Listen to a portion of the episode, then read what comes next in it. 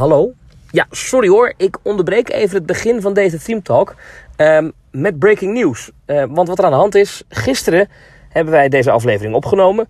Alleen nu is er vanmorgen breaking news voorbij gekomen uit de pretparkwereld. En dat moet toch even besproken worden. Dus ik kom even tussendoor. Gaan we de volgende week uitgebreid op in. Wat is er aan de hand? Het Universal Orlando Resort. Ehm, dat is zeg maar de Universal Parken in Orlando. Die hebben aangekondigd dat er een nieuw pretpark komt. ja, en dat vinden wij leuk natuurlijk, nieuwe pretparken. Um, het wordt Universal's Epic Universe. Of misschien moet je het anders zeggen. Universal's Epic Universe. Er was dan een groot stuk land vlakbij het bestaande Universal Resort. Uh, eh, 12 minuten rijden hebben ze gezegd. En daar komt dat park. Um, wat het precies wordt, hebben ze eigenlijk niet gezegd. Er is wel een concept art naar buiten gebracht. Zeg maar een tekening van bovenaf, in bird's view. Um, en dan zie je in de verte een heel groot hotel met daarvoor een soort van ja, gigantisch centraal plein. Een hub met fonteinen en nou, eetentjes, dat soort dingetjes. En er zitten allemaal themagebieden aan. Eentje is wat duisterder, de ander lijkt op een soort van ja, allemaal nauwe straatjes. Lijkt een beetje op Diagon Alley. Uh, aan de andere kant is weer een Nintendo, uh, denken we. Want dat hebben ze niet officieel gezegd. Maar het lijkt op het Nintendo themagebied. Um, er is iets van een dueling lanceerachtbaan te zien. Nou ja, van alles en nog wat. Een groot park. 14.000 mensen moeten er gaan werken. En dat is ontzettend veel. Dus het wordt echt wel een heel groot park. Sterker nog, het lijkt erop dat uh, het Universal Resort gewoon twee keer zo groot wordt met deze bouw. Wanneer het open gaat, weten we ook niet. Eigenlijk hebben ze helemaal niks gezegd. Behalve dan dus die naam. Dat weten we nu officieel. Universal's Epic Universe. Eerder was nog, uh, werd er nog eh, getwijfeld, gerumored in de pretparkwereld... dat het Fantastic Worlds zou gaan heten. Maar dat is er dus niet geworden. Mm, interessant daarbij is, is dat ze bij de persconferentie zeiden... de baas van Universal zei... A universe is bigger than a world...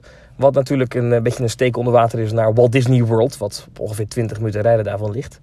Ja, een nieuw pretpark, mensen.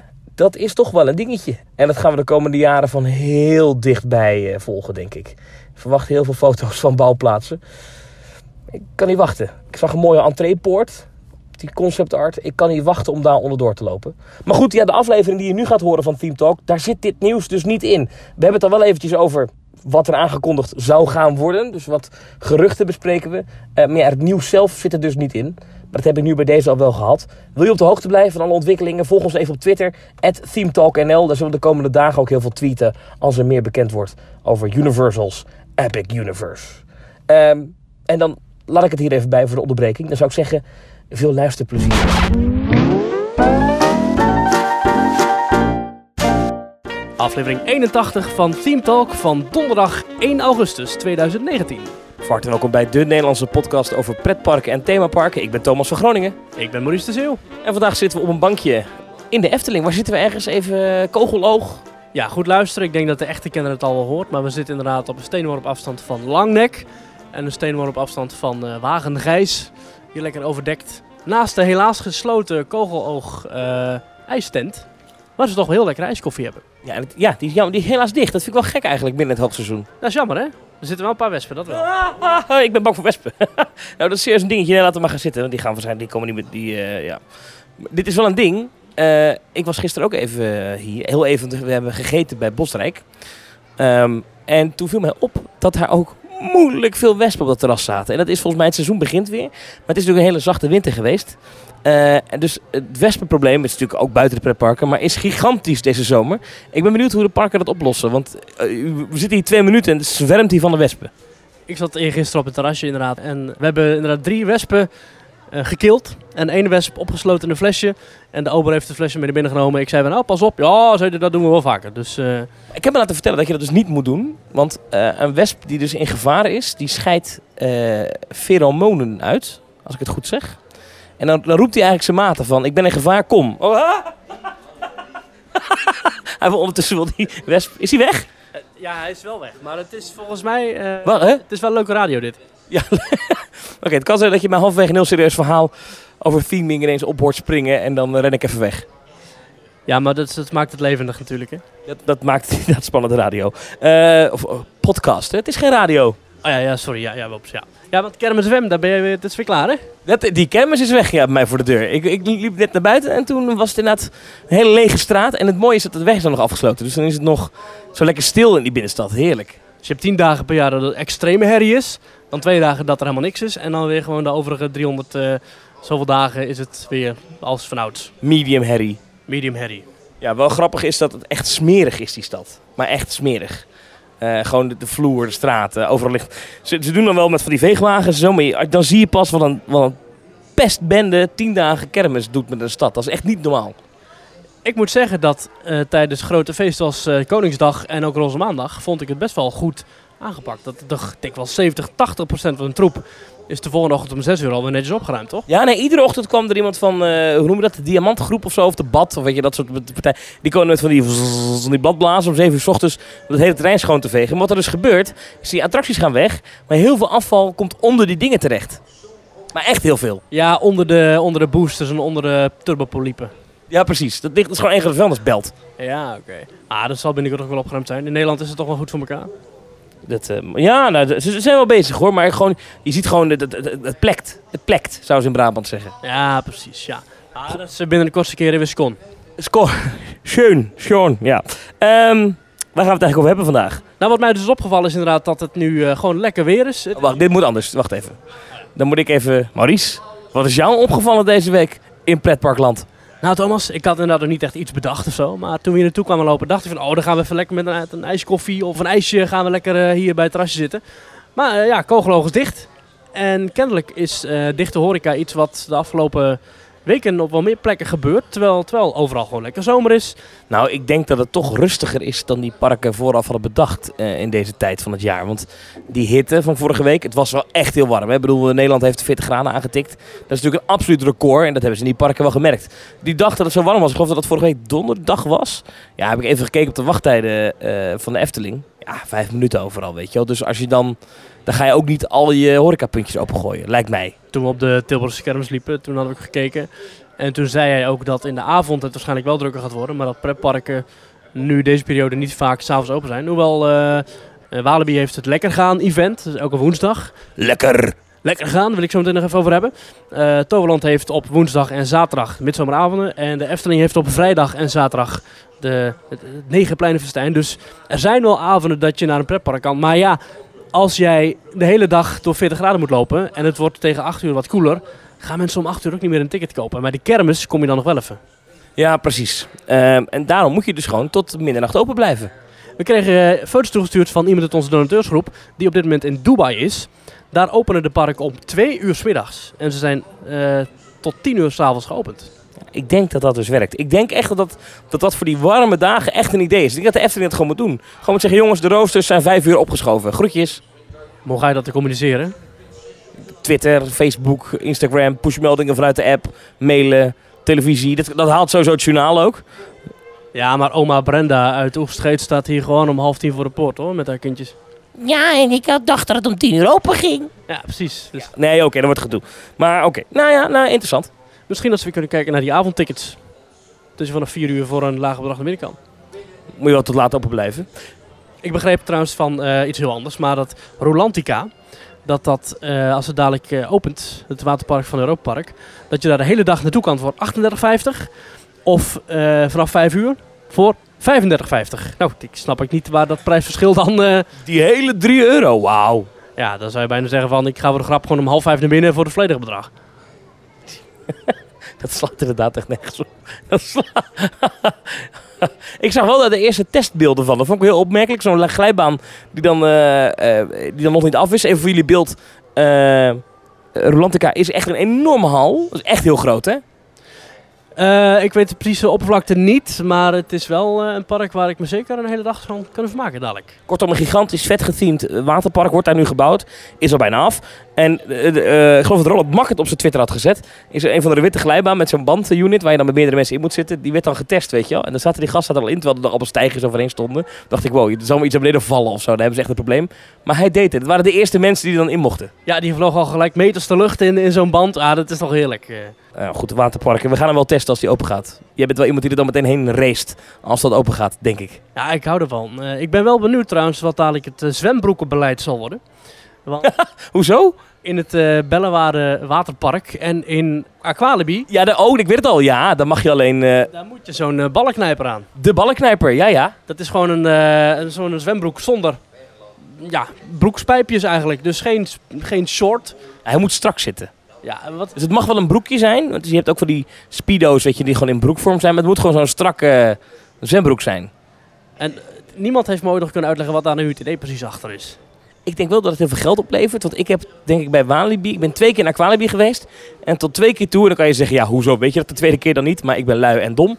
Eh, tot twee keer toe heb ik daar een zwembroek gekocht. En die was niet goedkoop, kan ik je vertellen.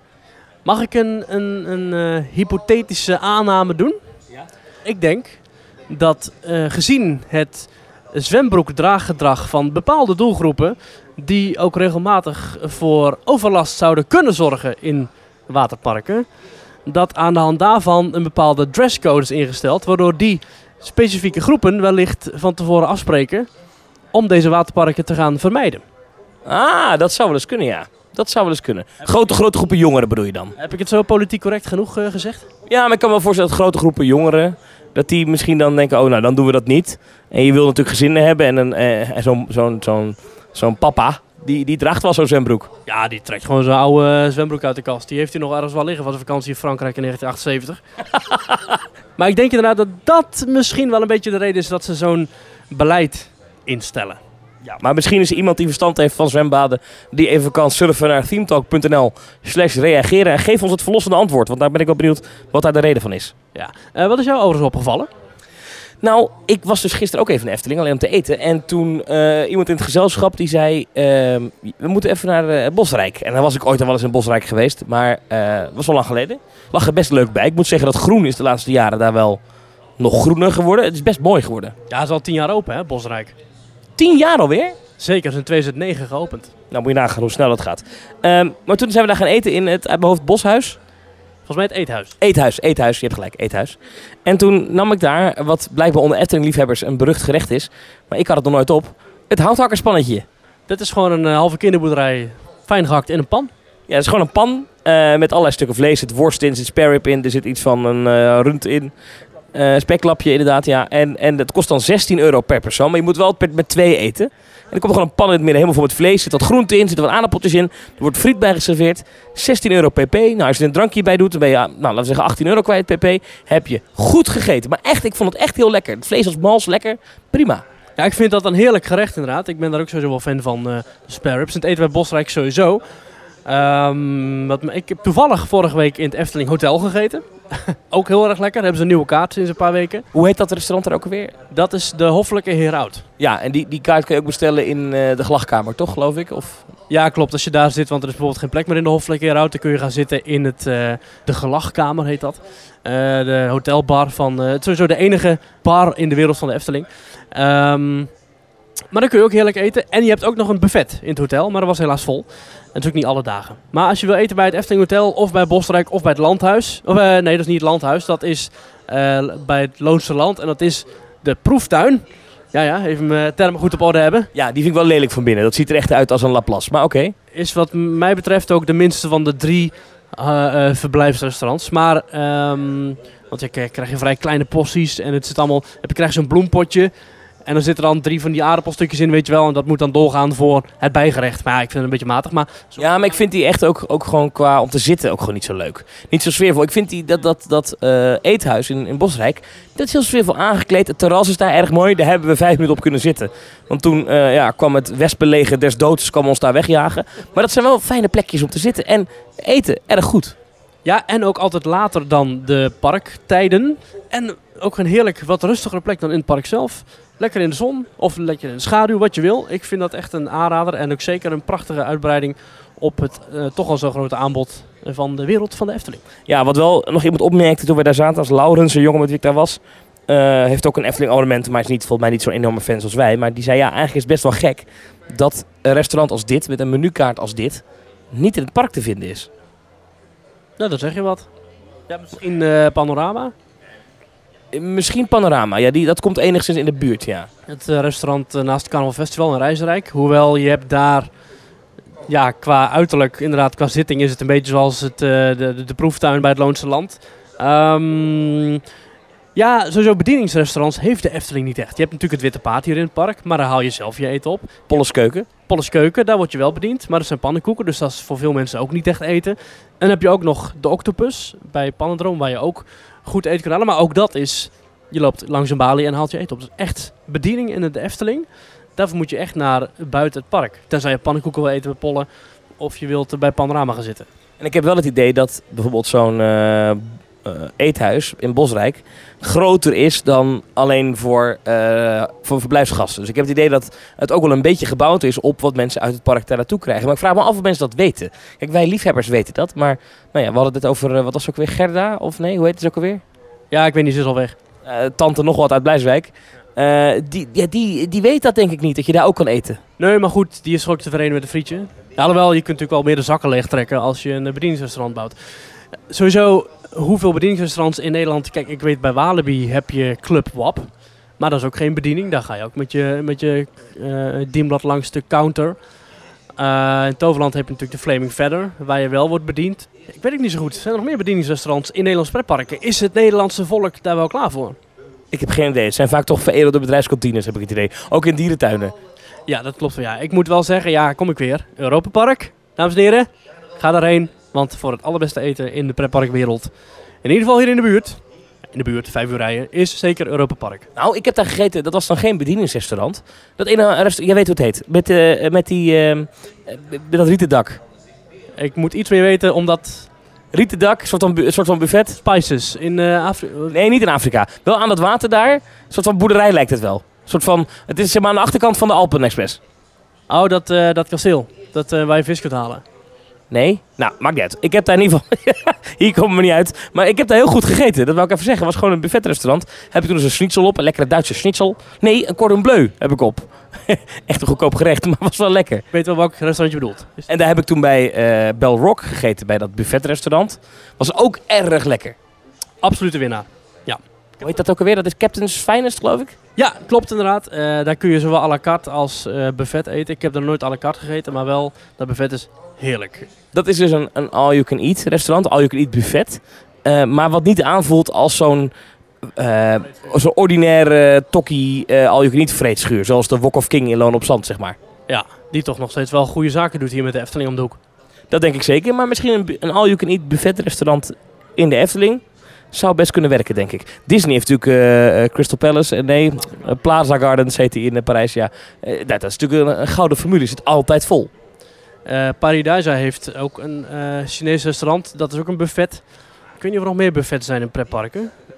Ik weet wel dat het Hotel Kronazar van Europa Park al na een paar weken is omgevormd tot buffetrestaurant. Het was eerst een à la carte formule, maar nu kun je gewoon ook naar een buffet eten. Lekker. Eh, over lekkere dingen gesproken. Maurice, dit is het moment waarop jij aan onze luisteraars vraagt of ze ons willen volgen op de sociale media. Ja, je kunt ons lekker volgen via eh, twitter.com slash themetalknl. Ons prachtige Twitter-account. Waarop wij eh, bijvoorbeeld prachtige uitspraken doen over tijdschriftartikelen. Over de Efteling. Ja, ik moet daar wel even iets over zeggen. Want er was.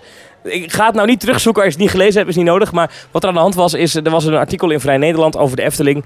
Eh, en dat vonden wij een beetje een flauwekulstuk. Want wat was, wat was er nou gebeurd? Deze mevrouw, eh journaliste, die had eh, subsidie gekregen om undercover, tussen aanhalingstekens, 40 uur in de Efteling te blijven. Kortom, vijf dagen, denk ik dan.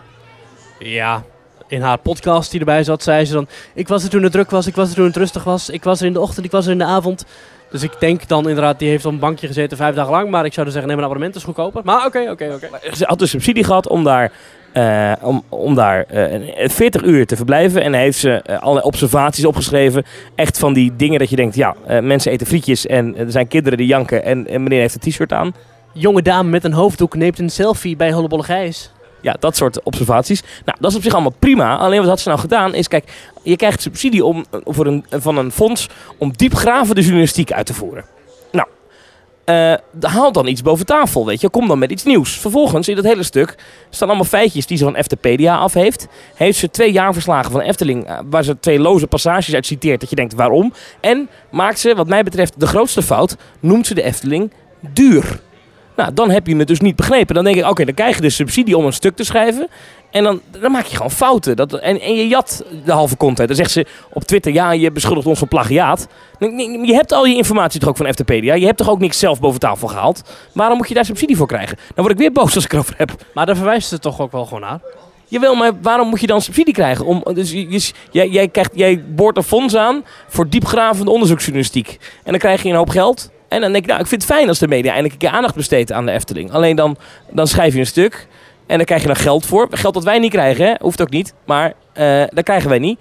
En, maar zij krijgt dat wel. En dan vervolgens hangt het aan elkaar van, van heeft ze wat, wat ze gezien heeft, heeft ze opgeschreven. Ja, er loopt iemand en iemand maakt een foto en dat soort dingen. Echt die loze beschrijvingen. En allemaal informatie van FTpedia. Ja, kom op.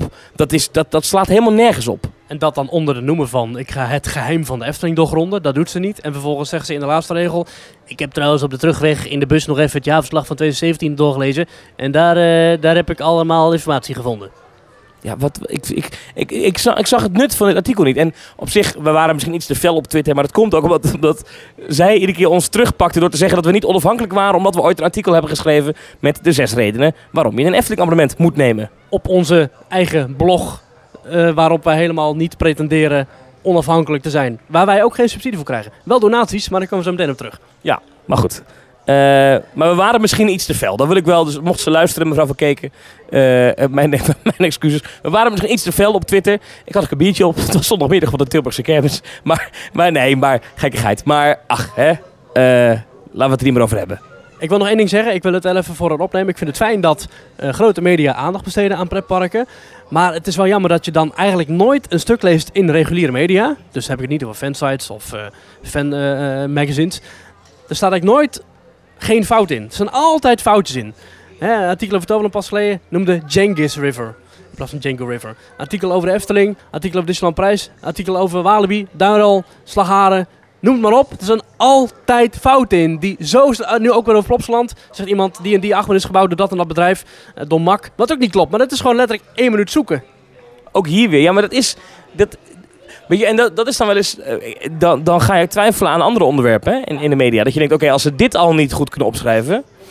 Hmm, is dat verhaal over dit en dat en dit en dat dan wel goed? Nee.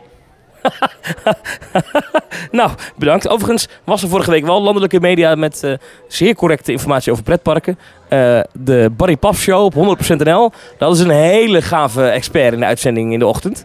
Ja, dat was echt een... eh, Die gastjongen die wist alles. Echt? Waar, waar kwam die vandaan? Van Groningen zeker? Ja, ja, ja. Dat was wel leuk, ja. Jammer dat het zo vroeg was. Dus, maar goed. Ehm, hadden we nog meer social media? Ja, we hebben ook Instagram. We hebben ook, eh, je kunt ons terugluisteren via Soundcloud, via Spotify, via allerlei podcast apps zoals eh, Stitcher en Google Podcasts en eh, Apple Podcasts, noem maar op. Dan kun je ook een rating geven, doe dat even. En je kunt ons ook een reactie sturen via themetalk.nl schuine streep reageren.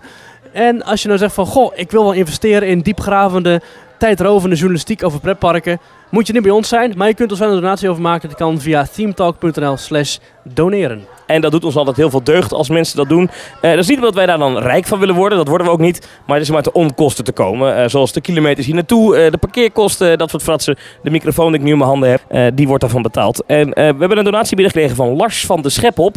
Die zegt, ga zo door, luister trouw elke week. Nou Lars, eh dankjewel daarvoor. Eh, Joost Bloks heeft gedoneerd, zonder bericht daarbij. En Lucas Paulides heeft gedoneerd. Die zegt, dag mannen, ik denk dat ik mag stellen dat ik een luisteraar vanaf het eerste uur ben. Ik ben zelf al een keer een klein onderdeel geweest van die podcast met een verslag vanuit Europa Park vorig jaar. Oh, dat weet ik nog. Prachtig. Dat was mooi, ja. Een van de, dat is een van de eerste audioverslagen die we binnenkregen. Gaaf. Zelf maak ik ook een podcast op een heel ander gebied. At DriveThroughNL op Twitter. Je hoeft die naam niet te noemen. Maar dat doen we wel. DriveThroughNL. Ik weet niet waar het over gaat, maar eh, ga ik zo even opzoeken. Eh, en ik weet hoe lastig content verzamelen kan zijn. Misschien gaat het wel over eh, fastfoodrestaurants met een drive-thru. Zoek jij even op waar het over gaat, dan lees ik even door. Hij zegt, ik zou zeggen, ga zo door. Ik kan niet wachten op de volgende pubquiz. De groeten, Lucas Paulides. Ehm, ja, die volgende pubquiz, dat is wel een goede vraag. Daar hebben we meer vragen over gekregen. Gaat er een tweede Theme Talk pubquiz komen? Het antwoord is... Ja, zeker. Maar wanneer? Dat kan ik nog niet zeggen. Maar er komt een tweede Theme Talk pubquiz. Die gaan we groots aanpakken. Wordt heel gaaf. Eh, we willen het eigenlijk ook ergens in een pretpark doen. Zijn we allemaal mee bezig. Ahoy Rotterdam, Ziggo Dome, dat soort dingen. Eh, maar ja, we moeten even wachten, want Eh, het Eurovisie Songfestival belde, die wil die locatie ook graag hebben. Dus, maar we komen daar later op terug. Weet je al waar die podcast over gaat? Ja, het, gaat een, het is een F1-podcast. Formule 1, altijd goed. Drive Through NL. Dus D-R-I-V-E T-H-R-O-U-G-H-N-L. Ik kan het eh, zelf niet beter zeggen. Ja, dat is, dat is een, een deal die we hebben. Als je doneert aan ons en je hebt zelf een podcast, dan noemen we altijd de naam van de podcast. Ja, net als Scarepod. Ja, hebben we ook gedaan vorige keer. En eh, volgens mij hebben we ook al een keertje eh, Man, Man, Man genoemd. En we hebben ook al een keertje Trust Nobody genoemd. Gewoon, eh, dat is een soort van sympathiek, maar dan moet wel betaald worden.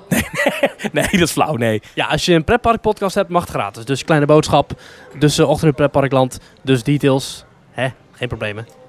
Maurice, zijn er nog dingen waar jij het per se over wil hebben vandaag? Ja, ik wil het even hebben over de zomeravonden in pretparken. We hebben natuurlijk de midzomeravond in Toverland, de Negenpleinen in de Efteling. Maar we hebben het nog niet echt gehad over lekker gaan in Walibi Holland.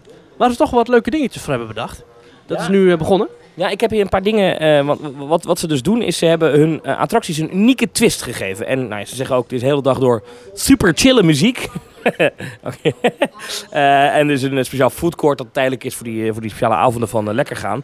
Maar die attracties met die speciale twist, dat vind ik dus gaaf. Goliath, blindfolded. Dus met een blinddoek op in de Goliath. Ik denk dat dat echt heel eng is, denk ik. Je ziet niet wanneer je boven bent. Ja, je kunt natuurlijk altijd een beetje stiekem afdoen, maar het is natuurlijk leuker om dat niet te doen. Heb je wel eens een VR-achtma gedaan?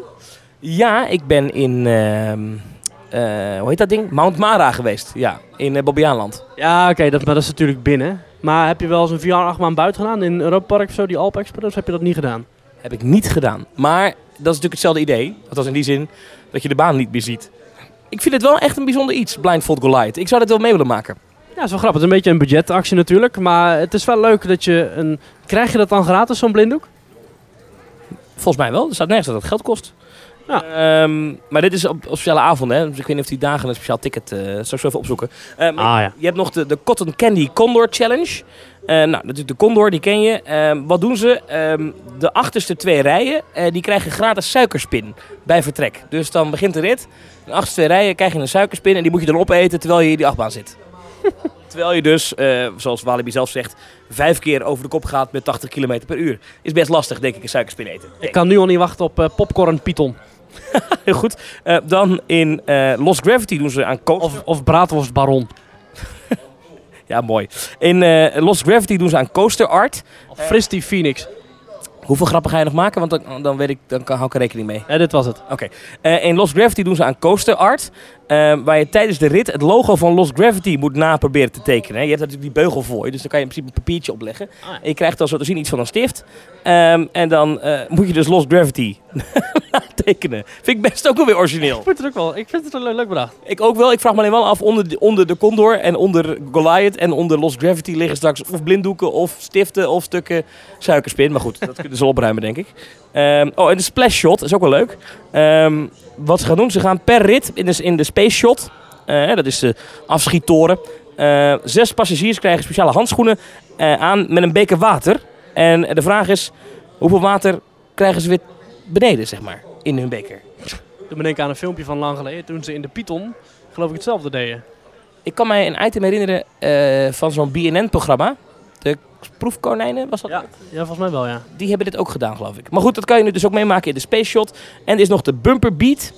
Eh, dat is de botsautobaan. Eh, tijdens lekker gaan. En die is, eh, ehm, ja, die is voorzien van muziek en beats en muziek en, en, en lampen en dingen. En het is Super chille lichteffecten. Ja. Gruwelijk. Ja, bumper cruise. eh, ja, dus dat is een, een clubben op wielen. Ehm, oh, en ze, ze hebben natuurlijk de, de, de Tour des Jardins. Dat is de autootjesbaan van eh, Walibi. Waar de directrice eigenlijk van af wilde. Want we zijn geen kinderpark meer. Maar nu weer wel, ineens. Dus die, die karretjes zijn er nog. Zeg maar de oude Tuffer, maar dan in Walibi. Eh dat doen ze eh, in plaats van Tour des Jardins. Tour des Speed Dates. Eh daar kan je de liefde van je leven ontmoeten. Dan kan je dus in een autootje. Word je dan geplaatst naast iemand. Romantisch. Dat is toch leuk? Het zou leuk zijn als je daar je, je, de liefde van je leven ontmoet. Ik zal even je daar ook trouwfoto's gaan maken in Walibi. Dat, dat denk ik wel, ja. Even kijken hoor, want eh, dat is op woensdagen eh, lekker gaan. En eh, in, in, in augustus eh 7, 14, 21 en 28. En dan is de entree iets hoger dan normaal. Dan is de entree 33,50. En op andere dagen zie je, eh, ze hebben eh, dynamische beprijzing tegenwoordig bij Walibi. Op andere dagen zie je dat het op 32, 32,50, 31,50 ligt. Dus ze vragen wel iets meer voor die dagen. Maar ja, is dat nou zo erg? Hij krijgt gratis suikerspinnen. Die 1,50. En er is allemaal entertainment, street entertainment, dat soort dingen. Ehm, dus dat doen ze op zich best wel goed. Ik zie trouwens dat zij vanaf 1 september alweer iedere dag dicht zijn. Alleen in het weekend nog open zijn. Bijzonder hè? Ik vind het altijd gek hoe Walibi zichzelf zo eh, in de vingers snijdt qua openingstijden. Maar blijkbaar is dat toch... Ja, na oktober is het, na Halloween is het daar toch een beetje klaar. Ja, dat, dat, dat, komt, dat zal wel uitkomen, denk ik. Ja, en dan Halloween begint dan alweer op, zo te zien, 5 oktober. Oh, dat is snel al, zeg. Komt een nieuw, nieuwe scare zone bij Untamed en die heet Tangled Twigs. Oh, dus, dus eh, ja, eh, ze hebben door ook in, in de knoop geraakte takken. Geen idee verder wat gaat inhouden, maar eh, dat wordt dus eh, een nieuw, nieuw scare zone. Waarschijnlijk levende bomen. Die kunnen best freaky zijn. Die dan zo door je heen boren en zo. Ah ja. Nee, weet ik niet. Ik denk me even hardop. Ja, je ziet daar wel dat ze daar dus... eh, ehm, nu ineens gaan we het over Halloween hebben. Maar daar hebben ze, je hebt daar de, de Spooky Days, de Halloween Spooky Days en de Halloween Fright Nights. Dus overdag is de Spooky Day en dan heb je de Fright Nights, dan is het, gaat het tot laat door. ja vroeger heette dat eh Wali Boe, maar blijkbaar niet meer. Ja, maar wat daar wel frappant bij is, is het verschil in prijs is niet zo groot. Op de dagen dat er namelijk overdag Spooky Day en s'avonds Fright Night is, dan mag je voor 39,50 naar binnen. Dat is overigens wel duurder dan de lekker gaan feesten. Eh, maar die Spooky Days, bijvoorbeeld eh, op 14 oktober, dat is een maandag, dus herfstvakantie, dan is het park voor 34,50 toegankelijk. Dat scheelt maar 5 euro. Hmm. Je moet voor de huizen nog wel los betalen hè. 5 euro per huis volgens mij. Ah, op die manier. Dus ze komen wel uit waarschijnlijk. Ja, Ja, dat is maar niet bang. Ja, eh. daar komen ze wel uit. Maar goed, die lekker gaan dingen. Dus ik vind het er wel leuk uitzien. Ik, ik, misschien moet ik er wel heen. Op woensdag. Ik vind het wel geestig. Ik vind het leuk bedacht. Het wordt nu ook wel drukker hè, bij de zomeravond. Het wordt weer eindelijk weer normaal weer. Geen 41 graden. En ik vind het een goede keuze. Eh, maar dat doen ze al een paar jaar natuurlijk. En Toverland heeft het daar een beetje van over, afgekeken. eh, om het op woensdag te doen. Ik vind het wel slim. Want je hebt natuurlijk in de zomermaanden, in de weekenden, bizar veel concurrentie van hele grote evenementen. Festivals, Tomorrowland, weet ik veel wat je in Dutch Valley komt er nog aan. eh, Lowlands straks, nou weet ik veel. Het is allemaal in het weekend. En is die woensdag voor jongeren die vakantie hebben natuurlijk een ideale dag. Want dan is er eigenlijk niks. Ja, natuurlijk zijn er ook wel dingen. Maar eh, slim bedacht. En, en volgens mij werkt het ook. Want Toverland doet het ook. En volgens mij werkt het daar ook. Jaren terug deed Walibi ook eh, de New Year's Eve avonden. Dat was ook op woensdag. En dan ging je om 12 uur s'nachts elkaar gelukkig nieuwjaar wensen in juli. Ja, ja, dat vond ik een erg leuk idee. Omdat ik dat zelf ook ooit bedacht had. Dat, ja, Ah, ja, maar het is wel tof, toch? ja zeker. Dat doen ze niet meer, dat thema. Nee, is jammer. Nee, het is nu eh, lekker gaan. Zou jij de echte oud en nieuw in Walibi willen vieren? Als het wat warmer is, misschien nog wel. Gewoon lekker om eh, middernacht een untamed. Ben je ooit wel eens in een pretpark geweest met oud en nieuw? Nee, dat doe ik absoluut niet. Dat- Nee, daar ben ik tegen. Nee, daar ben ik niet tegen. Maar ik, ik, ik vind oud en nieuw echt leuk. Ik, ik ben een oud en nieuw liefhebber. Eh, dus ik hou van die sfeer op straat, dat vuurwerk, de oliebollen. eh, iedereen telt af. En dat, natuurlijk is het in een pretpark ook, maar dan vind ik dat toch anders. Dus ik, nee, dat doe ik liever niet. Ik ben eigenlijk met alle mogelijke feestdagen wel ooit in een pretpark geweest. Met Koningsdag, Koninginnedag toen nog, Pasen, Pinksteren, Kerst zelfs, mijn eigen verjaardag, noem maar op. Sinterklaas, maar nog nooit met oud en nieuw. Het lijkt me ook niet leuk, want de Efteling gaat om hoe laat dicht? Twee uur, denk ik? Ja, ik geloof het wel. Ja, ja, oud en nieuw duurt bij mij tot 6 uur 's ochtends. Dus ik wil niet lullig doen, maar Ja, oké. Misschien ben jij de doelgroep niet. nee, misschien niet. Nee, nee maar als er- als er één, één nacht een reden voor een feestje is, dan... eh, Overigens heb ik het bizarre plan in mijn hoofd zitten om eh, op vakantie te gaan op 1 januari. Dus dan, dat heb ik ooit één keer eerder gedaan. Toen ben ik naar Las Vegas geweest. Ehm, en dan is het dus dan is het oudejaarsavond. Ehm, nou, dan heb je gewoon feest. Dan eh, drink je een paar shampoopel en gezellig leuk. En dan zonder te slapen door naar Schiphol. En dan slapen in het vliegtuig naar weet ik veel waar. Ik vind dat een minder bizar plan dan om 12 uur middags op 1 januari in een of andere ijskoude sloot springen. Dat vind ik zo idioot. Nee. Maar heeft de Efteling nog die, eh, die nieuwjaarsduik? Ja, dat was in de Baron. Dan moest je geloof ik in je bikini in de Baron gaan zitten op 1 januari. Ja, dat doen ze niet meer, hè, volgens mij. Weet ik eigenlijk niet. Hmm. Waarom hebben wij het halverwege hartje zomer ineens over Oudejaarsavond? Is dat omdat de kou lonkt, Maurice? Nou, nee, nee, nee. Ik ben absoluut geen kou-fan. Dus laat mij maar gewoon lekker in de 30, 35, 40 graden zitten. Vind ik heerlijk. Eh, over 30, 40 graden gesproken. Florida. Als deze podcast uitkomt, is het 1 augustus. En op die dag is het ook de dag dat er een mega persconferentie is van Universal. Eh, de voorspellingen gaan erover dat er een derde park bij komt. Ja, eigenlijk een vierde park, want Volcano Bay wordt ook gezien als een, eh, als een, als een themapark, het waterpark. Maar na Universal Studios, Islands of Adventure, Volcano Bay, kunnen wij misschien een vierde park verwachten in Orlando van Universal, namelijk Fantastic Worlds. Ja, daar kijk ik erg naar uit. Maar we kunnen daar nog helemaal niets over zeggen. Er zijn natuurlijk allerlei screenshots, of eh, screenshots, jawel, eh concept arts eh, uitgelekt. Ehm, maar ja, of dat dan waar is, weten we niet. Dat logo zag wel vet uit. Nintendo-rechten heeft Universal. Dus Super Mario, Zelda, dat soort dingen. Persoonlijk, ja, lijkt me heel tof hoor.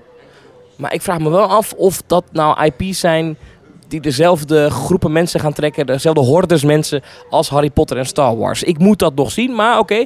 Ehm, ik- ja, wordt wel gaaf, denk ik. Maar ja, we, we afwachten. Vraag ik me ook af. Ik denk wel dat eh, als alle attracties een beetje worden zoals Hagrid, eh, die nieuwe achtbaan, de Hagrid Magical Creatures Motorbike Adventure. Ja, ja, ken uit mijn hoofd. Met eh, echte animatronics en weinig projecties en gewoon een goede achtbaan. Dat dat best wel een gaaf park kan worden. Misschien dat ze een beetje afstappen van al die screen-based attracties heel de tijd. Ja. Wat ik wel zit te bedenken, maar misschien is dat een raar hersenspinsel voor mij, is ehm, Disney heeft vier parken in eh, Orlando. Twee waterparken, dat zijn er zes in totaal. Universal heeft nu twee dagvullende parken en een waterpark. Daar zou dan een vierde park bij komen. Ehm, je hebt daar ook SeaWorld. Je hebt daar op een uurtje rij ook nog Busch Gardens liggen. Ehm, je hebt daar op de, op de iDrive natuurlijk allerlei entertainment zitten. Met weet ik veel Ripley's, al die Merlin dingen en zo. Lego inderdaad. Legoland heb je ook nog, Madame Tussauds, noem maar op. Wat voor bestemming wordt Or- de stad Orlando straks? Het is natuurlijk al een pretpark hotspot, maar wat je nu merkt is dat er heel veel Amerikaanse gezinnen die gaan daar of voor een specifieke Disney vakantie heen. En als ze dat niet doen, dan wordt het een soort van mengelmoesvakantie. Dus dan wordt het een dagje strand bij Daytona- Daytona Beach, een dagje Universal, een paar dagen Disney, weet je zo. Ehm, maar als je straks zoveel keuze hebt in parken, een vierde park erbij, nog, nog, nog een groot pretpark. Wordt dat niet te veel voor Orlando? Ja, ik weet het niet hoor, maar... Een soort eh, pretparkbuffet krijg je dan. Ja, ik, je kan straks, als je straks, stel dat je dan alle parken wil doen daar. Dat gaat niet meer. Kan nu al niet. Nou, in, in, je kan in theorie in een weektijd kan je alle parken doen. Je kan natuurlijk op maandag Magic Kingdom, dinsdag kan je naar Animal Kingdom. Ehm, woensdag kan je eh, naar eh, Epcot. En dan doe je op donderdag doe je Hollywood Studios. Vrijdag Universal Studios. Eh, zaterdag eh, Universal Studios Island of Adventure. En de dag erna eh, SeaWorld. Dan heb je in principe alle parken in Orlando gehad. Ja, maar dan heb je, de, heb je Busch Gardens nog niet. Dan heb je de waterparken van Disney nog niet. Heb je het waterpark van Universal nog niet. Heb je het waterpark van Busch Gardens nog niet. Heb je het waterpark van SeaWorld nog niet. Heb je Legoland nog niet. Heb je Kennedy Space Center nog niet. Dus nee, Orlando is al lang niet meer de één week bestemming. En misschien al niet eens de twee week bestemming.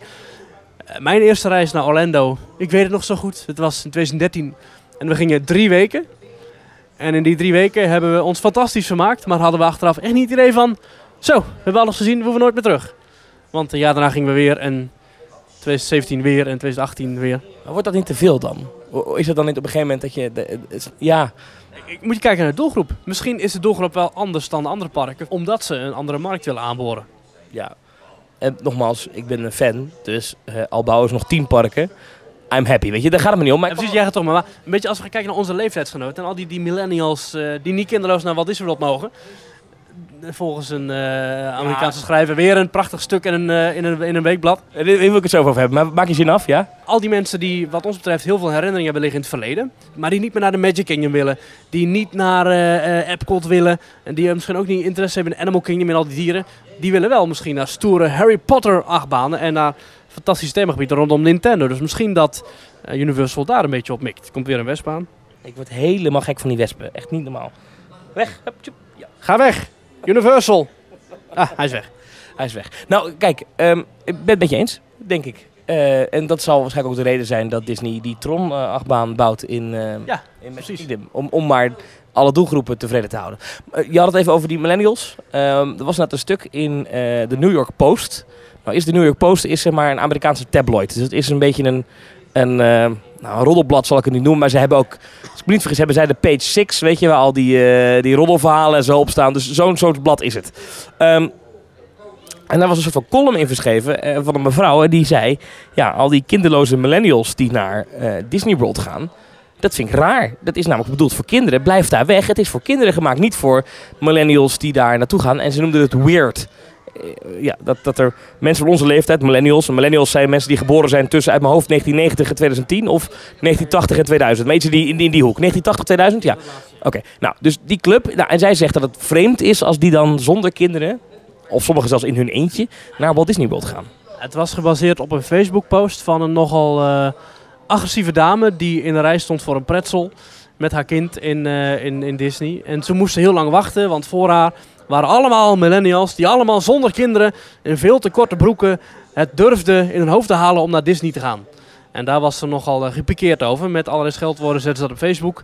Dat is toen enorm uh, gaan rollen, dat balletje. En daar heeft dus de New York Post een artikel aan gewijd van volgens mij een kerel die dat uh, onderschrijft. En oh, een kerel. Oh, sorry. Oké. Okay. Die ook onderschrijft van inderdaad. Uh, oh, oké. Okay, dus jij gaat tegenwoordig met je verdiende geld ga je naar Disney in plaats van naar echte steden. Je moet dus je, je, budget besteden aan, aan, aan stedentrips. Ga eens wat meer zien van de wereld. Maar nee hoor, jullie geven al je geld aan dure Disneyparken. Ga eens een keer naar Rome of Parijs. Alhoewel, dat moet ik niet zeggen. Want als je naar Parijs gaat, ga je waarschijnlijk toch alleen maar naar Disneyland Parijs. Ja. Dat was de strekking van zijn verhaal. En ergens is het ook wel zo natuurlijk. Ik bedoel, ik vind het ook belangrijk dat je wat van de wereld ziet. Behalve die Disneyparken. Maar ik vond dit wel echt een heel flauw verhaaltje. Echt een flauw verhaal. Ik moet zeggen, juist omdat er in Shanghai een Disneyland ligt, ben ik naar Shanghai gegaan.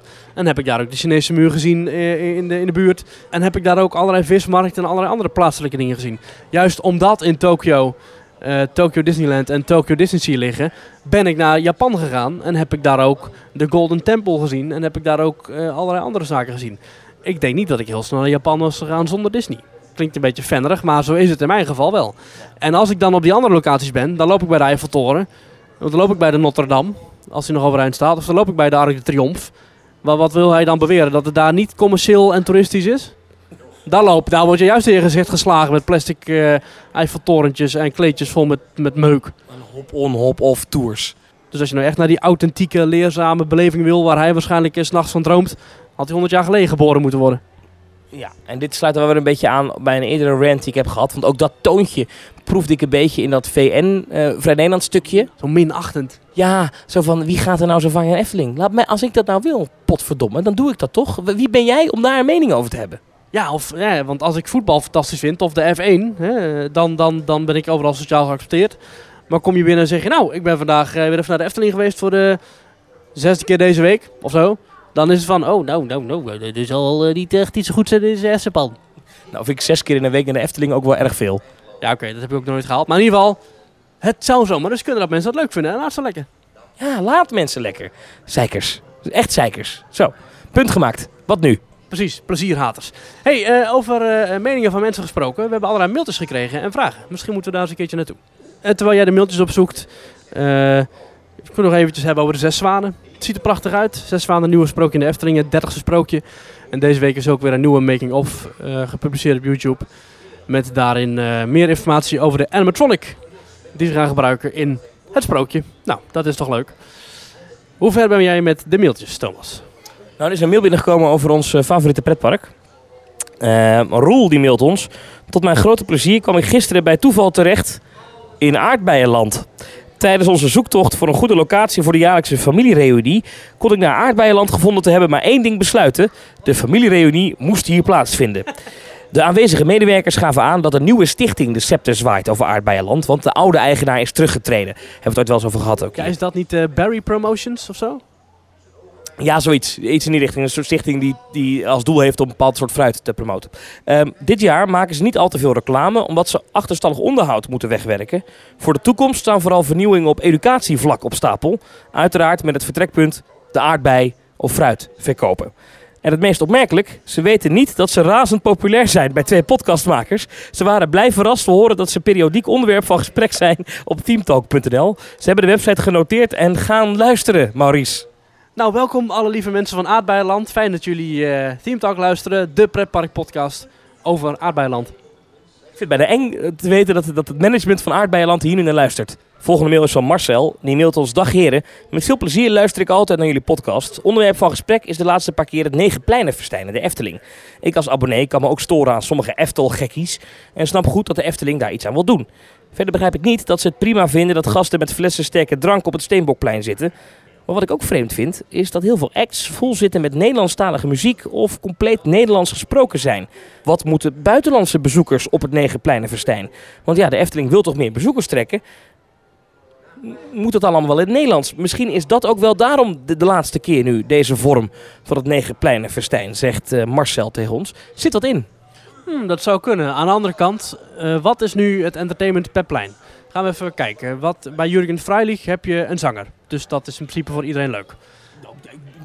Er zitten wel heel veel grapjes en dingetjes in die echt wel Nederlands zijn. Ja, oké, maar als ik in Europa Park eh, op zo'n terras zit en er staat zo'n slagerband, dan vind ik dat ook leuk. Dus Ja, oké. Dus ja. In principe is dat, vind ik, dat ook voor een internationale bezoeker die ziet van, hé hey, wat leuk, entertainment. Nou, eh, op het Vader heb je goochelaars en ijsko Ali. Nou, goochelen is redelijk internationaal toegankelijk. Je moet er af en toe misschien wat van snappen, maar ook hier, ik liep in een Europa Park, daar was een fantastische goochelaar. Ik spreek eh, heel weinig Duits, maar ik snap er wel. Eh, de ijsko-man is ook heel grappig, ook als je geen eh, Nederlands kan. Ehm, nou, Jelle en zijn rode neuzen, die zingen liedjes. Hartstikke leuk, ook voor een internationale bezoeker. Bij de Piranha heb je dansers. Nou, dat is voor iedereen ook toegankelijk. Op het Harthof heb je ook dansen. Dat is ook een internationale act. Op het Herautenplein lopen inderdaad sprookjesfiguren die voornamelijk Nederlands spreken. Maar ik denk dat als zij aan je merken van... hé, hey, dat is iemand uit Schotland. Of hé, hey, dat is iemand uit eh, Georgië. Dan zullen ze je wel in jouw eigen taal proberen toe te spreken. Waarschijnlijk sowieso in het Engels. Want die sprookjesfiguren zijn toch redelijk meertalig. Ja, dat is, ik neem aan dat als jij Assepoester wil spelen in de Efteling of Roodkapje, dat je dan wel, dat je in ieder geval een woordje Engels moet kunnen, denk ik. Ja, dat denk ik ook wel. Weet je, En, en Duits zal een pre zijn, denk ik. Weet je wat roodkapje is in het Engels? Red Riding Hood. Ja, ja heel goed. Vond ik wel een grappige naam. Dan heb je eh, En, lang nek? is, eh, een longneck. Dat denk ik ook, ja. Denk het ook. Ja. En dan heb je ook nog eh, het Ravelijnplein. Daar is een ruiter die een, een zware show doet. Dat is waarschijnlijk voor de internationale bezoeker niet goed te verstaan, maar wel makkelijk te volgen. En dan heb je het Antropiekplein met algemeen straattheater, wat volgens mij ook wel redelijk internationaal toegankelijk is. Dus mijn conclusie is dat ook voor de internationale bezoeker het Negenpleinenfestijn tot op zekere hoogte genoeg te bieden heeft. Denk ik. Goed punt, goed punt. Eh, volgende mail. Neem niet weg dat ik inderdaad denk dat volgend jaar alles anders is en het helemaal over is met het Negenpleinenfestijn. Maar dat is weer een ander verhaal. Ja, als ik in mijn glazen bol kijk, denk ik dat ook. Eh, maar ik hoop wel dat de Efteling tot laat open blijft. Dat vind ik gewoon belangrijk. Laat, Dat denk ik wel. laat en lang open. Die gaan echt niet om vijf uur de tent dichtgooien. Zeg nooit nooit, hè? Het is de Efteling. De volgende mail is van Casper. En die mailt ons: Hey Team Talk. Ik hoorde dat jullie kritisch zijn over Ravelijn en het verhaal van Ravelijn. Maar ik vraag me af: hebben jullie ooit de serie gezien en het boek gelezen? Want dan komt het verhaal veel beter naar voren. Zelf hoop ik dat er wel een nieuwe show komt en ook een nieuwe serie met het verhaal van Ravelijn en de bende van de Witte Veer. Groetjes, Casper. Ja, nou Casper, ik heb eh, eh, de serie gezien en ik heb het boek gelezen. En? Het verhaal is daarmee mij in principe duidelijk. Alleen vind ik dat voor een parkshow jij niet vanuit mag gaan dat iedereen het boek heeft gelezen, dan wel de serie heeft gezien. Sterker nog, als je het boek hebt gelezen en de serie hebt gezien, zul je zien dat er nog veel grotere discrepanties zijn tussen de show en de eerder uitgegeven media. In het boek komt bijvoorbeeld de graffer voor, een soort klein beest, robotachtig beest, dat Graf Grafhart eh, eh, eh, bijstaat. Die komt niet terug in de huidige show. Verder komt heel Samira niet meer terug in de huidige show met haar uil en haar vader, de blinde ziener Samuel. Verder hebben de figuren heel andere kostuums aan dan in de serie. Eh, en in de serie, spoiler alert, is Graaf Grafhart eigenlijk bezeten door Falco Peregrinus, zijn raadsman. Wist jij dit, Thomas? Dit is, voor mij, dit is voor mij echt abacadabra. Maar leuk dat je dit allemaal weet. Ja. Eh, en dan zie je daarvan niks terug in de huidige show. Verder is er ook helemaal... Ja, nee, maar ik, ik zat de show te kijken en ik vroeg me ook echt af waar die was hoor. Die graaf Peregrino, of hoe heette die? Falco Peregrinus. Ja, Falco Peregrinus. Die heeft ook bronwater, toch of niet? Klopt ja. Hij heeft ook een eigen achtbaan in Duinrel, de Falcon. Oh, heel goed. Ja, maar nee. Ja, ik vroeg me af waar die was. Ja, precies. Verder eh, eh, lijkt de vader uit de serie totaal niet op de vader in de show. Maar dat is zo flauw. Dit- Dat lijkt... Nee, maar die, die wordt heel anders gecast en aangekleed dan hoe die er in de show uitziet. Oh, ik wil zeggen, want ik, eh, dan kan je ook zeggen, ja, Mary Poppins in Disneyland Parijs lijkt helemaal niet op de echte Mary Poppins. Ja. Het figuur van Halina lijkt ook niet op de figuur van Halina uit de serie. Dus eh, ja, nee, ik snap helemaal wat je bedoelt, Casper. Want in principe, als je het boek hebt gelezen en de serie hebt gezien, dan zul je meer begrijpen van de wereld van Ravelijn. Maar het is niet dat dat dan een, en dat je denkt van, oh, aha, zo zit het. Ah, dit is logisch. Nee, dat is heel jammer. En daarom is het ook zo jammer dat de Efteling overal pretendeert de hoede te zijn van de sprookjes en de meester in storytelling. Want eh, eh, dat is het niet. Maar het is overigens wel een prachtig decor, mooie muziek en interessante special effects. En daarom vind ik Ravelijn niet super slecht. Maar het is niet dat je zegt van, oh, oh, oh, wat is dit nou een hoogstaaltje storytelling wat ik hier eh, voor me kiezen krijg. Dan is er iemand die mailt ons, Sylvain Draaisma. Die zegt, ik wil nog even inhaken op het onderwerpje waar jullie het over hadden in de laatste podcast, nummer 80. Hier haalden jullie de tegenvallende bezoekersaantallen van Galaxy's Edge aan. En van wat ik vernomen heb, is dat compleet correct. Echter is het niet de eerste keer waarbij we dat zien. Zo zagen we ook tegenvallende bezoekersaantallen met de opening van Phoenix in Toverland. En Untamed trekt waarschijnlijk ook niet oneindige bezoekers naar Walibi Holland, zegt deze Sylvain. Zou dit niet kunnen komen vanwege de nieuwigheid? Kortom, heeft een nieuwe attractie of een nieuw themagebied tijd nodig om zijn of haar plekje te vinden in een pretpark. En dat het ook met mond-op-mond reclame moet. En dat je niet meteen moet verwachten dat het vanaf dag 1 volle bak is. Dat laatste bedenk ik er even bij, maar dat bedoelt zover volgens mij in deze mail. En ik denk dat hij daar misschien wel eens een punt kan hebben. Ja, ik denk het ook wel. Eh, ik weet niet of je nu al kunt zeggen dat Untamed in Walibi niet de benodigde bezoekers trekt. We kunnen wel zeggen dat ze inderdaad bij Toverland op veel meer bezoekers hadden gerekend. Eh, met de opening van eh, Port Laguna en natuurlijk ook Avalon met de nieuwe achtbaan. En dat zeker bij Disney met Galaxy's Edge er toch wel eh, volgens mij hele noodgrepen moeten worden eh, uitgevoerd om daar eh, de bezoeker toch nog de kant van het park op te trekken. Zoals het terugbrengen van allerlei klassieke rides als Soarin' over Californië en parades als de Main Street Electrical Parade. Toch weet ik niet of je nu al kunt stellen dat het een flop is. Er zijn volgens mij nog allerlei abonnementhouders die eh, niet naar binnen mogen. Ehm, en ook in het jaar van Toverland heeft het park toch een stijging gezien van 19%. En ook bij Untamed is volgens mij de aandacht toch best wel aanwezig. Ik zie ook alleen maar reclames op tv over Untamed. Ja, dat, dat denk ik ook. Alleen wat het punt dat hij maakt, en ik denk dat dat waar is, ehm, dat wil je weten of een attractie echt een succes is, dan kan je niet na drie maanden zeggen. Kan je misschien zelfs nog niet eens na één seizoen zeggen. Maar als je nu bijvoorbeeld naar Symbolica kijkt, ehm, ja, die staat er nu hoeveel jaar? Drie of zo, denk ik? 2017 geopend, dus staat er nu net iets meer dan twee jaar. T- twee jaar. Ehm, je kan wel zeggen nu dat dat in de, in, in, in de wachttijden en in de ochtenduren niet de populairste attractie van het park is. Nee, nee. Baron is toen die geopend is, heeft hij wel eh, echt wel flink eh, eh, aandacht gekregen. En stond daar ook heel lang, heel lang rijen bij de Baron. Maar ook nu zijn er genoeg dagen waarop je zo het hekje om kunt lopen en eh, de Python een langere rij heeft. Ik denk dat wij als pretparkfans veel meer bezig zijn met... Oh, Galaxy's Edge is nieuw. Oh, de Baron is nieuw. Oh, Phoenix is nieuw. Oh, Untamed is nieuw. Maar dat voor eh, Trudy uit eh Appelscha... En ik dacht dat ze uit Koog aan de Zaan kwam. Nee, ze is uh, verhuisd. Dat zij zegt van, oh, dit is leuk. Dit is eh, Six Flags eh, Holland. Die eh, hebben al die achtbanen. Die hebben allemaal pythons. Eh, ik, denk ik, ja. Ik weet, ik weet niet of dat mijn beeld is. Het is inmiddels wel mijn beeld van de gemiddelde journalist. Maar ik weet niet of het mijn beeld is van de gemiddelde bezoeker van pretparken. Ik weet het niet. Je hebt zoveel mensen en zoveel interesses. En ik denk dat mensen het gewoon leuk vinden om een dagje naar een pretpark te gaan. Of dat nu Walibi, Toverland, Efteling of Disneyland in Anaheim is. Eh, mensen vinden het allemaal leuk. Ja, precies. En wij hangen misschien te veel aan die nieuwigheden. Eh, en wij willen misschien eh, overal dat effect van... Wij willen te snel resultaat zien, denk ik. dat, precies, we willen allemaal die beelden die we toen zagen van de opening van Pandora en de opening van Harry Potter in Orlando, waar 16 uur wachttijd stond. En dan verwachten we dat ook meteen bij een Untamed of een Galaxy's Edge, for that matter. Ja, daar zeg je wat, want daar is het wel gewoon super druk. Bij Harry Potter en bij Hagrid en bij... eh, hoewel, die zijn nu een paar jaar aan het settelen. Ik kan nu op normale dagen in Universal's Islands of Adventure... zit je binnen 20 minuten zit je in eh, Forbidden Journey, of? Echt? Ja joh, normale dagen is hartstikke rustig. Oh, oké, dat wist ik ook niet. Toen ik daar was in ieder geval, heb ik volgens mij twee weken lang eh, kon ik Universal in met mijn ticket.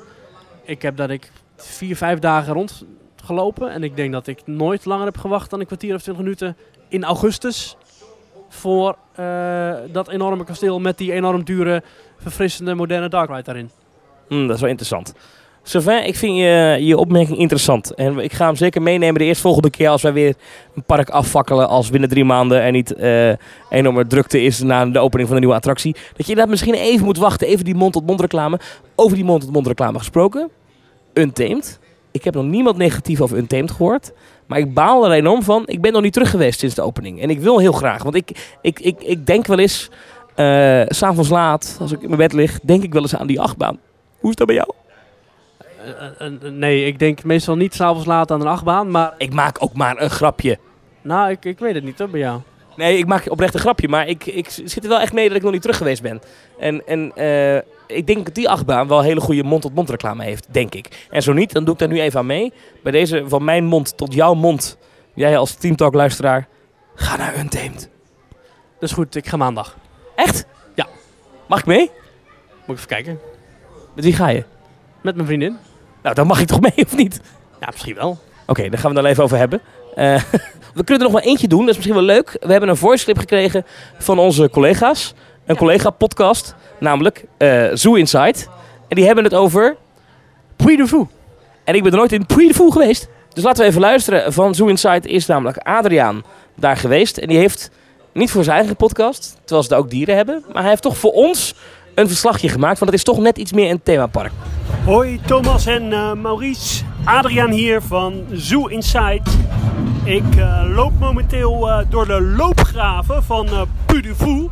En eh, om mij heen wordt eh slag eh, van de Tweede Wereldoorlog eh, nagespeeld. Jullie horen het eh, me wel.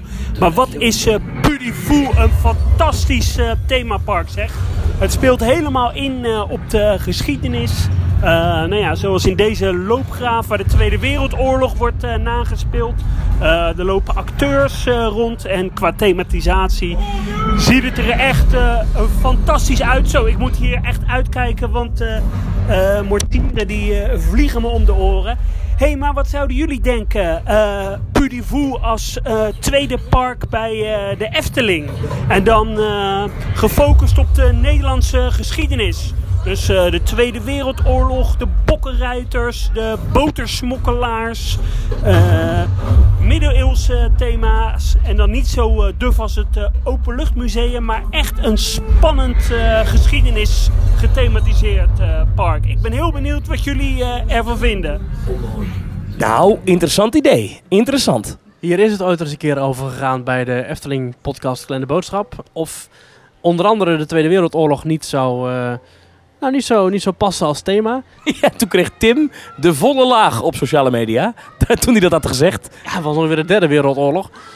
Ehm, ja en nee. Zo, daar heb je helemaal niks aan. Nou, uh, Puy de Fou pakt het volgens mij heel erg authentiek aan. En de Efteling heeft toch altijd die naam bij de bezoeker. Van, dat is een beetje sprookjesachtig, een beetje clownesk, een beetje cartoon, een beetje voor kinderen. Eh, en zeker niet eh, eh, authentiek en, en realistisch. Dus ik denk dat de Efteling dat misschien niet kan maken. Maar als second gate naast de Efteling, gewoon echt puur ingericht op de geschiedenis, met een heel andere inslag, moet dat misschien nog wel kunnen. Ja. Wat je zegt over volwassen insteken, zo als je de site van Fou bekijkt, is ook heel serieus, mooi, heel mooi vormgegeven, maar het is niet kinderlijk of zo. Het is heel serieus en strak en, en bijna zakelijk. Ja, misschien moet even toelichten wat Puy de Fou eigenlijk is. Het is een volledig op shows geënt eh, themapark in Zuid-Frankrijk. Heel eind rijden. Ik ben er nooit geweest ook. Ik wil er wel ooit een keer naartoe. Maar daar heb je dus eh, heel veel shows met dieren. Met honderden acteurs. Met eh, figuranten die uit het water komen. Kastelen die omdraaien. En, niet heel onbelangrijk, het is de partner voor de Efteling waar ze Ravelijn mee hebben opgelapt een paar jaar terug. Ja, eh zeker nog de acteurs van Ravelijn, die mensen op die paarden, volgens mij komen die ook van eh Puy de Fou. Ja, dat zou wel kunnen, ja. Ehm, waarom ik denk dat het geen goed idee is? Ik denk dat het commercieel niet te verkopen is. Dus dit kan je wel doen, maar dan moet je echt medewerking krijgen van het Rijk of zo, met subsidies. Ik denk dat, dat een geschiedenispretpark, ik denk dat dat... Dat is zo'n idee wat op papier heel mooi klinkt, maar daar ga je denk ik geen miljoen kaartjes mee verkopen, denk ik. Dat zeg jij nu, maar laten we nu eens even kijken naar Orlando, naar Magic Kingdom. Als je nou de Magic Kingdom van Walt Disney World een beetje ziet als de Efteling. En Epcot, toch een heel realistisch park met technieken en communicatie uit de toekomst en uit, de, uit het verleden. Dat is in principe op papier ook niet zo'n heel sexy onderwerp, maar daar verkoop je wel miljoenen kaartjes mee per jaar. Dus als je dat nou als second gate naast de Efteling zou kunnen bouwen, even dagen laten of het eh, fysiek allemaal mogelijk is. Ja, maar daar ben ik het niet mee eens. Kijk, de reden dat Epcot natuurlijk eh, daar in de jaren 80 eh, is gekomen en ook is gegroeid. ehm, eh, en een succes is geworden, heeft denk ik ook mede mee te maken dat er een enorm al resort was hè, rondom Magic Kingdom. Waren al, de Magic Kingdom resorts waren al mensen, boekten al een vakantie. Al die eh, oostkustbewoners, New York, al die staten daarboven, die, die boekten al vakanties naar Florida om daar naartoe te gaan. Dus die waren daar al in een vakantiemodus. Die gingen een dagje naar Magic Kingdom en dus ook een dag naar Epcot. Ik denk dat je dat bij de Efteling nog niet voor elkaar krijgt. Het gros van de bezoeker hier is maar één dag hier. Ja, nog wel. Maar de Efteling zet toch ook in op verblijven? Ja, ja, dat begrijp ik. Maar ga je die mensen overtuigen om een tweede dag te blijven omdat er een geschiedenispark is? Ik, ik vind dat echt heel lafjes thema. Het, het gaat erom, volgens mij kun je alleen maar groeien als je ook inzet op verblijf. En ook inzet op meer dingen te doen dan alleen maar dat ene park. Ja, maar dan is toch heel eerlijk geschiedenis niet het meest sexy thema. Nee, maar het is communicatie en techniek toch ook niet? Maar Epcot doet het. Ja, maar Epcot had ook een World Showcase. Ja, gebouwd met subsidies van die landen. Ja, oké. Nou ja, misschien kan het.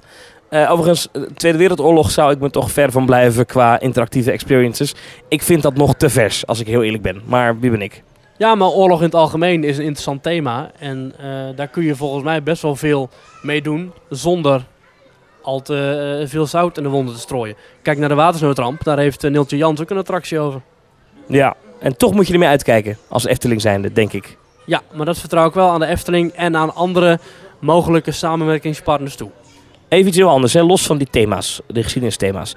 Een park naast de Efteling met alleen maar shows, zoals Puy de Fou. Zou dat iets zijn? Uh, dan hopelijk toch niet het niveau van de shows dat nu te zien is in de Efteling. Maar uh, wellicht. Dus geen attracties, alleen maar shows? Ja, ik weet niet of daar markt voor is. Ik denk dan eerder dat je een, uh, een geschiedenispark kunt bouwen met dark rides en interactieve themabelevingen. Mm, oké, oké, oké het onderwerp van Nederlandse geschiedenis is volgens mij voor een Nederlandse bezoeker en ook zeker voor een internationale bezoeker best wel interessant. Ja, al liggen tegenwoordig gevoelig, hè? De VOC en zo mogen we eigenlijk allemaal niet meer trots op zijn en zo. Ja, ik vind dat niet, maar dat, dat hoor je vaak, hè? Dat is moeilijk. Dat is moeilijk, moeilijke thema's. Ja, maar als je iets neutraal uitbeeldt, dan kan de bezoeker daar toch zijn eigen mening over vormen. Mee eens, mee eens. Over meningen gesproken, Maries. Ondanks het hele verhaal heb ik nog steeds zin in een ritje Untamed. Ja, zeker. Zullen wij even een ritje Joris doen of een ritje Baron? We zijn toch in de Efteling nu. Vind ik een goeie. Gaan wij dat even doen? Dan zeg ik tegen de luisteraar nu, tegen jou, uh, dat je eventjes naar themetalk.nl slash reageren moet gaan om een berichtje te sturen. Kunnen we dat weer in de volgende aflevering gebruiken. Of themetalk.nl slash doneren als je ons wil steunen uh, financieel. En uh, zeer veel dank voor het luisteren, voor het reageren, voor het meedoen op Twitter. Uh, dank, dank, dank. want Themetalk, ik heb het gevoel dat we steeds groter worden. En dat is een lekker gevoel. Nou, de cijfers onderschrijven dat toch. We zijn lekker aan het settelen. We zijn lekker aan het zetten, we hebben een vaste groep luisteraars en zo. Um, dus als je wat vindt, als je wat te, te, zeuren hebt, maar ook iets positiefs hebt, themetalk.nl slash reageren. We vinden oprecht alle reacties fijn. Er komt hier, we hebben het nou net erover dat er weinig entertainment is in de Efteling, maar er komt hier dus wel een band aangelopen. Het is wel echt bizar. Zijn het uh, de Efteling muzikanten? En ze spelen gewoon onze tune. Vet! Maries, we gaan naar de Baron, maar ik zeg alvast tegen jou, tot volgende week. Tot volgende week!